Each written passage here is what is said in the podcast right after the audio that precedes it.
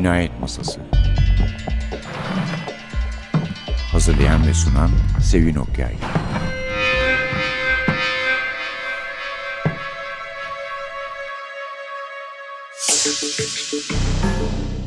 Merhaba, NTV Radyo'nun Cinayet Masası programına hoş geldiniz. Efendim, geçen hafta Dame Christie'nin doğum gününü kutlamıştık. Çünkü tam da o güne denk gelmişti ve işte Devon'da, Torquay'da, evinde yazdığında balayını geçirdiği otelde ve çeşitli yerlerde yapılan, yapılacak, o gün yapılmakta olan ve sonra da hafta içinde devam edecek etkinliklerin haberini paylaşmıştık sizinle. Bugün gene İngiltere üzerinden gidelim dedik. Gerçi 2-3 tane konuğumuz var gelecekler ama araya Adana Film Festivali'ne girince onları Ekim'e bıraktık artık. Nasipse Akbank Jazz Festivali ve film ekimiyle birlikte. Evet, yazarımız Mark Billingham. Mark Billingham dediğimiz gibi İngiliz bir yazar.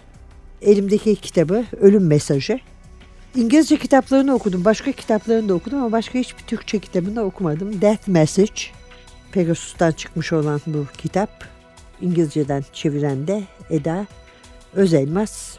2008'de ilk baskı yapmış. Ben daha önce herhalde Mark Billingham yapmamışımdır diye düşünüyorum. Yani artık 14 bu yıl sayeden 14 oldu galiba. Daha önce 13 kere 14 demişim ama burada da çok uzun zamandan beri zaten görünmüyor kitapları. Nispeten yeni sayılabilir. Çünkü Mark Billingham aynı zamanda bir aktör, senarist ve stand-upçı. Stand-up'la başlamış. Çünkü oyunculuğa ilk başladığı zaman ona hep çeşitli kötü adam rolleri vermişler. Çoğu da kötü polisler ama işte futboldaki kötü polis, şuradaki kötü polis, buradaki kötü polis. Sonunda vazgeçeyim demiş ben bundan. Çünkü belli ki fiziğe göre rol veriyorlar insana. Bunu aşamayacağım diye düşünmüş. Ondan sonra stand-up'a geçmiş işte stand-up komediye. Yani çok diyor iyi oldu çünkü stand-up komedinin en büyük avantajı neye benzediğine kimsenin aldırmayışı. Komik olduğun sürece, onları güldürdüğün sürece bu işi yapıyorsun ve sahnede kalıyorsun. Ve o sıralarda anlaşıldığı kadarıyla böyle zincirleme yerler, efendim modern altyapı falan da olmadığı için stand-up'a girmek nispeten daha kolaymış.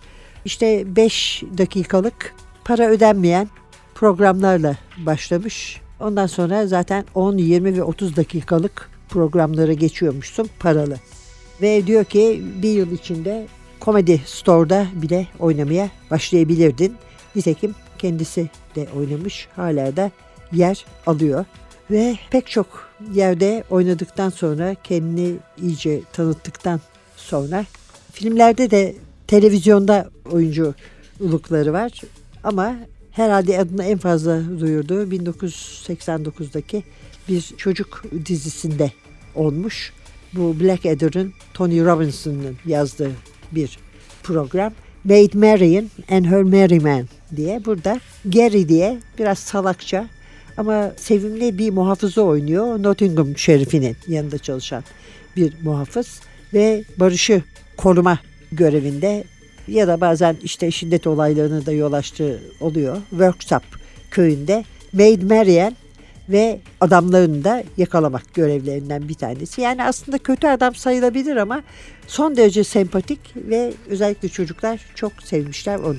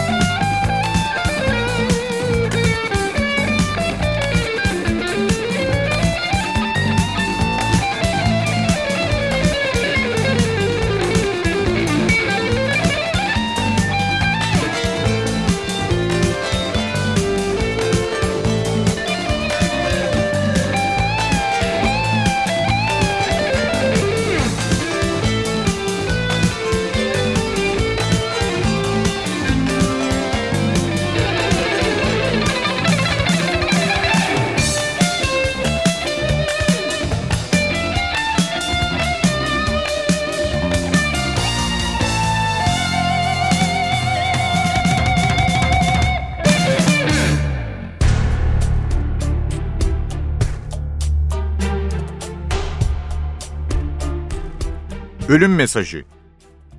Hendrix haklıydı.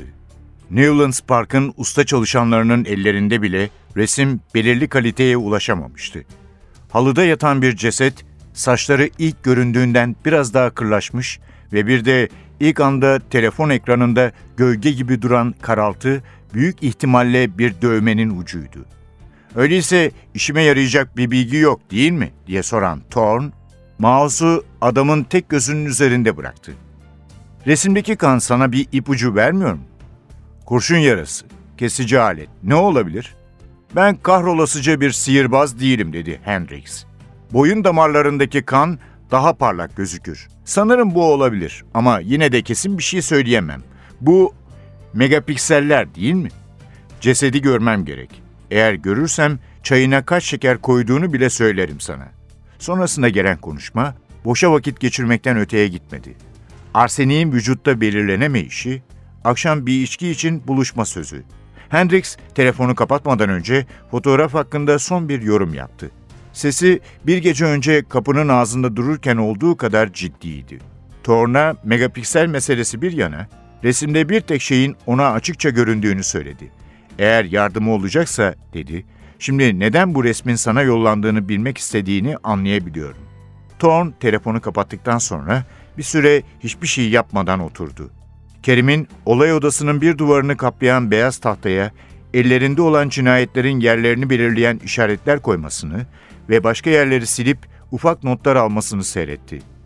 Andy Stone'un ondan halıdaki kanla ilgili daha fazla bilgi almaya ve bu konuda espriler yapmaya çalışmasını dinledi. Odanın diğer ucunda ise Yvonne Katz'ın laboratuvar teknisyenlerini Deniz Sedat'ı öldüren bıçakla ilgili sonuç alabilmek için sıkıştırıyordu.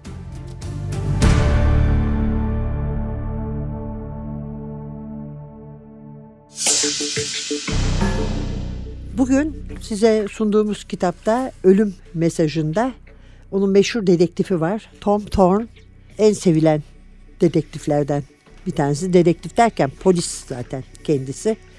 Ve o da biraz melankolik, biraz kendi içine dönük bir adam. Ancak yazmaya başladığından beri onu Mark Billingham çok sevildi, çok meşhur oldu ve arka arkaya maceraları gelmeye başladı. Birbirini izlemeye başladılar. Önce ilk okuduğum Mark Billingham kitabı 2001 yılında çıkan ilk Tom Thorne romanı Sleepyhead geldi. Ve ondan sonra Scaredy Cat ve birbirini izledi Tom Thorne maceraları.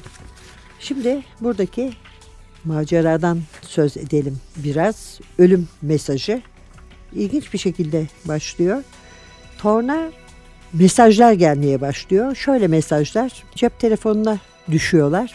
Ne olduğu belli değil. Bir adam yüzü görüyor. Birisinin yüzünü ve ne olduğunu kestiremiyor. Nasıl bir mesaj olduğunu onlara ona kimin bunun için gösterdiğini ama çok tecrübeli eski bir polis olduğu için net olmayan bu yüz görüntüsünün ölü bir adama ait olduğunu anlıyor ama kim yani bu fotoğrafı bana kim gönderdi ve niye gönderdi soruları ile boğuşuyor ve sonra işte ekip olarak üzerinde çalışmaya başlıyorlar.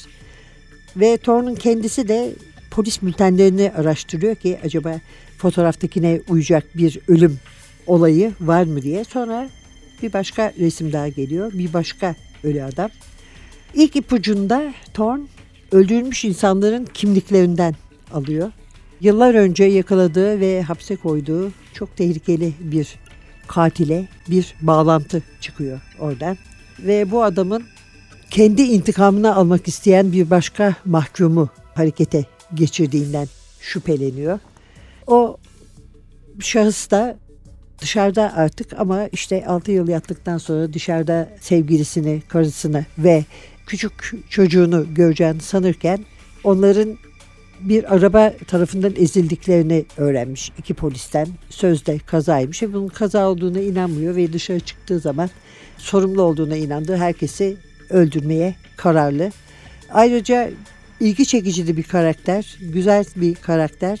Gördüğümüz kötü adamların ki tam olarak kötü adam da sayılmaz aslında. Zaten Bellingham'ın da öyle bir bakışı yok. Yani şu kötü adam şunu bu tarafa at, bu iyi adam, bu burada efendi efendi otursun diye bir durum yok. Sonuç olarak Thorne'la Brooks arasında da pek fazla bir fark yok.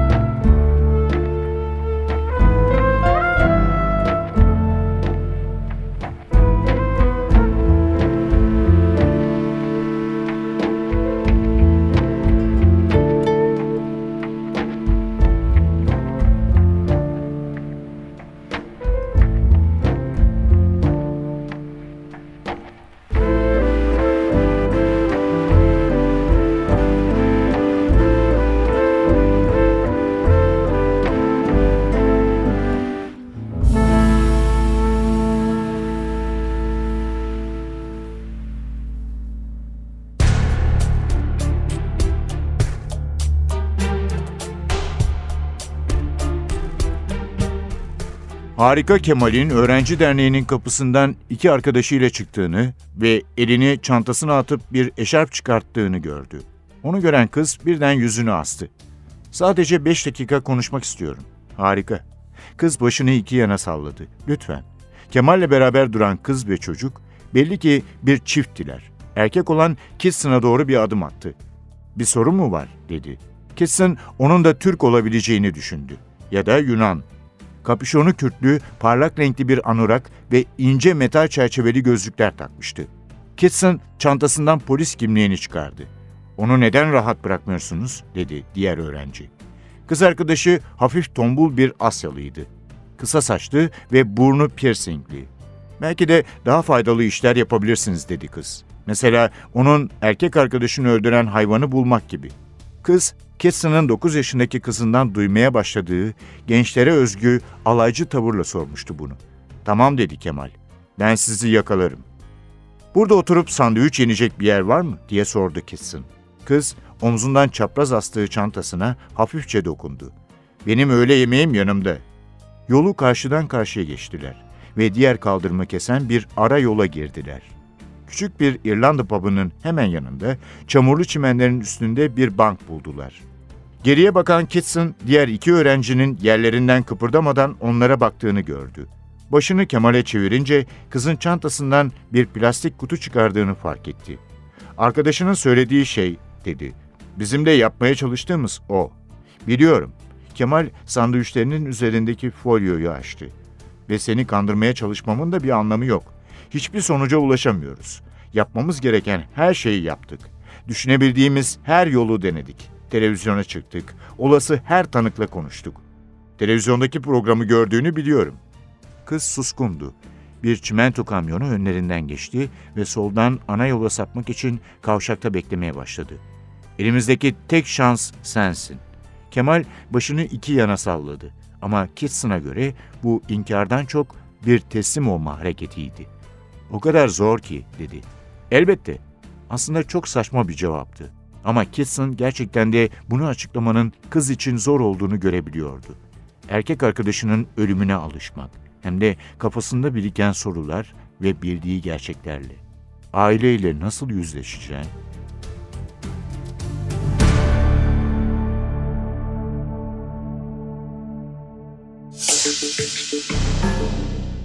Tom Thorne dedik Mark Billingham'ın meşhur karakteri.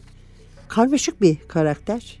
İçe dönük bir şahıs ama insanlar seviyor onu. Yani onlarla ilişki kurarmış gibi yapıyor ve öyle bir hal veriyor kendine. Ve yani sevgilisiyle de aynı durumda. Hani anlaşıyorlarmış. Durum gayet iyiymiş. Kendisi başka insanlarda kolaylıkla geçinen bir insanmış gibi davranarak özellikle sevgilisini zaman zaman çıldırtmaya itebiliyor. Ve kompartmanlara bölmüş pek çok çağdaş dedektifte olduğu gibi Londralı bir polis dedektif araştırmacı, soruşturmacı olarak çok büyük bir kompartmanı var işini. Yandaki bir kutuda arkadaşları, dostları var ki hepsi de polis zaten. Sonra sevgilisi, o da polis. Yakınlarda bir yerde. Daha küçük bir kutu. Herhangi birisi torna biraz fazla yaklaşmaya ya da duygusal bağlar kurmaya kalkarsa başını alıp gidiyor diyelim. Dolayısıyla her, herhangi bir şeye odaklandığı, tutkuyla bağlı olduğu tek şeyin işi olduğunu söyleyebiliriz. İşte onun içindir ki cep telefonuna gelen cinayet kurbanlarının resimlerinden oluşan bu mesajlar onu çok etkiliyor. Kimin yaptığını anlayabiliyor. Kısa sürede çözüyor kimin yaptığını. Hatta o içeriye tıktığı diyelim tehlikeli katili ziyarete de gidiyor. Onunla da konuşuyor bir adım daha ilerleyebilmek için. Neden bunların gönderildiğini de anlıyor. Bir intikam da var işin içinde tabii. Gerçi bu intikam yani Thorne'la ilgili kısmı Brooks'un kendi intikamı değil, Mardis'indeki başka birinin dolaylı intikamı. Ne var ki bu arada polis de Brooks'u yakalayamıyor. Brooks da kafasına taktıklarını ve sorumlu bulduklarını. Çünkü zaten hapse de nahak yere girdiğini, aslında suçlu olmadığını iddia ediyor. Bir de üstüne sevdiği iki insan. O da öyle hayatını çok fazla sevgilisi, sevdiği olan bir adam değil çünkü. Binince bu da üstüne gelince insanlara karşı her türlü duygusal yaklaşımı kaybetmiş. Yani öldürdüğü insanlar için hiç üzülmüyor mesela. Adam yerine bile koymuyor.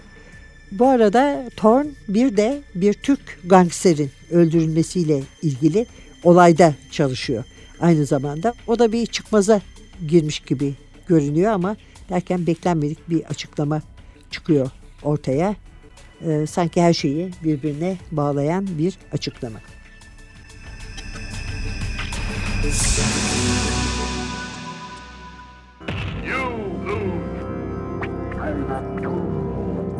Yoga. Yoga. Yoga.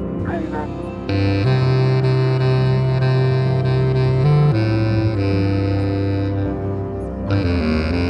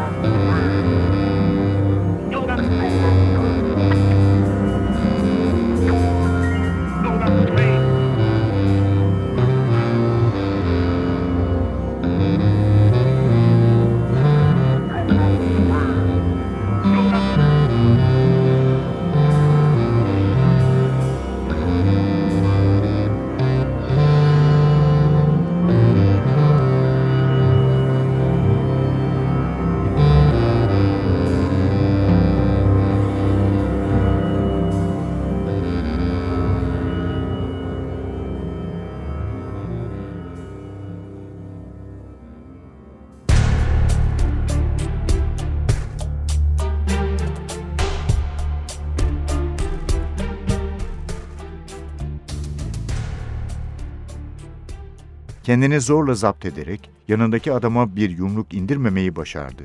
Sonra yasaklıyordu. Onun yerine hızla arkasını döndü ve odanın ortasındaki yükseltilmiş dans platformunun içinden kalabalığı dirsek ve omuzlarıyla yararak ilerlemeye başladı. Çevresindekilerin ona küfrettiklerinin farkındaydı ama önemsemedi. Etraftakilerin ellerindeki içkilerin dökülmesine bile aldırış etmeden DJ kabinine yaklaştı. Cama eğilip polis kimliğini DJ'ye doğru salladı. Sesi kapat. DJ sanki karşısında derinin biri varmış gibi anlamsızca baktı. Thorn birkaç basamaklık merdiveni tırmandı. Bunun herhangi bir istek olmadığını anlayan DJ, Thorn tam yakasına yapışmak üzereyken ayağa kalktı ve kulaklıklarını çıkardı. Hemen, şimdi, sesi kapat. Dans edenlerin duraksamasına kadar geçen o birkaç saniye ortamda bir gariplik yarattı. Kafalar birer birer DJ kabinine doğru dönerken tepedeki ışıklar hala müzik varmışçasına dönüyordu. Birkaç kişi ellerini kollarını sallayarak neler olduğunu öğrenmeye çalıştı. Thorn mikrofona uzandı. Phil! Dans pistinden bağıranlar mikrofonu ele geçiren adamın dışarı atılmasını talep ediyorlardı. Thorn ağzını mikrofona fazlaca bastırınca ses cızırtı yaptı. Phil Hendricks! Kabine doğru yaklaşan iki ızbandut gibi görevliye polis kimliğini gösteren Thorn aynı anda gözlerini ayırmadan piste bakıyordu. 10 saniye sonra cep telefonu çaldı. Birisi belki o arıyordur diye bağırdı. Elinde çalan ve titreşen telefonla dans pistini atladı. Aceleyle dışarı çıkmak isterken ona elini uzatan birkaç adamı itti ve birinin de göğsüne bir darbe indirdi. Sonunda kapıyı omzuyla itip dışarı çıkarken ona doğru eğilen Holland'ı fark etti. Müzik son hızla devam ediyordu. Thorn telefona cevap verdi. Waterloo'ya gidiyorum dedi Louis. Orada ne var? Thorn Wardour Street'ten karşıya geçti ve bir dükkanın girişinin altına sığındı. Louis ona Hendricks'in The Adam'da görüldüğünü ve hikayenin kalanını anlatırken Holland'ı gören Thorn ona işaret ederek yerini bildirdi. Elimden geldiğince çabuk yanına geleceğim, dedi. Gerek yok. Zaten yanımda Kenny var. Sen neredesin?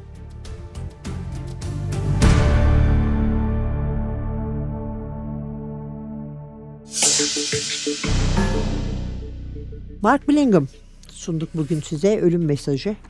Tom Thorne macerası bir tane. Daha önceki kitaplarında Death Message'dı bu. Ondan öncekilerin de isimlerini hatırlatalım isterseniz. Sleepyhead, Scaredy Cat, Lazy Bones çok da güzel isimleri var. The Burning Girl, Lifeless, Buried, Death Message, Bloodline, From the Dead, Good as Dead ve bu yıl çıkan, son çıkan kitabı The Dying Hours, Tom Thorne kitabı. Şimdi bir şey buldum Guardian'da benim çok hoşuma gitti. Sizin de gider umuduyla size de nakledeyim diyorum. Şeyi konuşmuşlar, keşfetmişler. En çok hangi polisleri ve dedektifleri beğeniyor. Mark Billingham tabii Tom Thorne değil ama üç aşağı beş yukarı aynı şey sayılırlar. Çünkü birbirlerine çok benziyorlar. Çünkü Mark Billingham'ın bildiği şöyle bir şey var. Bunu stand-upçı olarak biliyor. Çıktığın anda sahneye 60 saniye içinde onları yakalayamazsan ölmüş bir insansın. Seni yuhalamaya başlıyorlar. Hemen o anda çok sağlam bir giriş yapıp güldürmen lazım. Kitaplar için de aynı şeyin geçerli olduğunu düşünüyor. Çok sağlam bir giriş yapacaksın ve yakalayacaksın onları. Çünkü kimsenin ya pek de bu kitap yürümeye başlamadı ama bir 50 sayfa bekleyelim bakalım belki toparlar diyecek vakti ve isteği de yok açıkçası diye düşünüyor. Dolayısıyla kendisini de aynı derecede etkileyen demek ki dedektifler seçmiş. Bir numarada Sherlock Holmes var. Elbette diyor listede olması lazım. Egzantrik bir matematik hocası sayesinde tanımış Sherlock Holmes'u. Onlara ondalık sayıları anlatacağına Sherlock Holmes maceraları okumuş.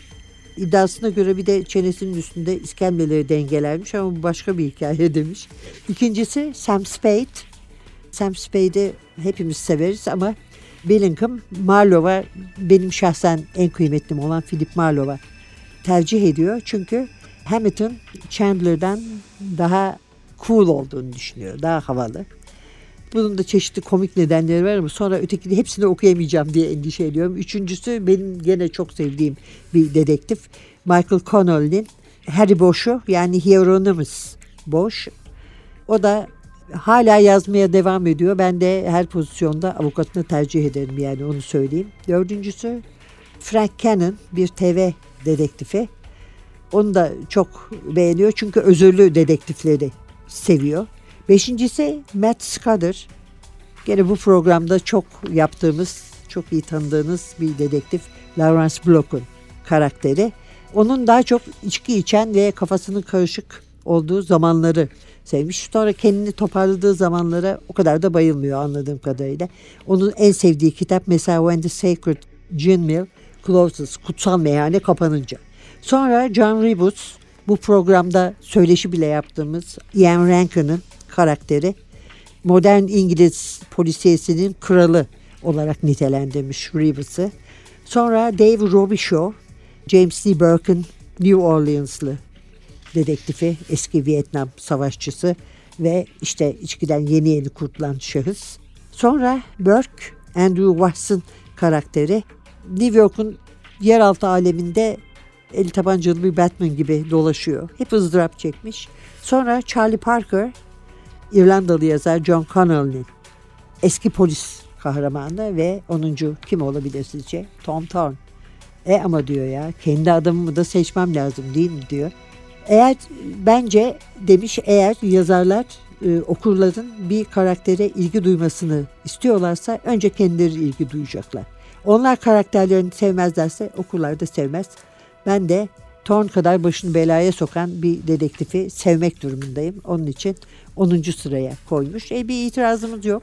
Çünkü biz de Tom Thorne'u çok seviyoruz, çok sevdik. Tavsiye ederim. Kaç tane kitabın Türkçe'ye çevrildiğini gerçekten bilmiyorum. Ama bir ufak aramayla ulaşabilirsiniz. En azından ölüm mesajı, death message çevrilmiş durumda. Pegasus'tan çıktı ölüm mesajı. Mark Billingham İngilizceden çeviren Eda Özelmaz.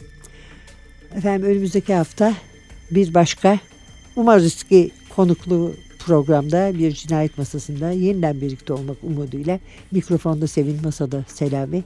Hepinize gerilimli bir hafta diler dileyelim de kibar bir şekilde sonlanmış olsun. Hoşçakalın.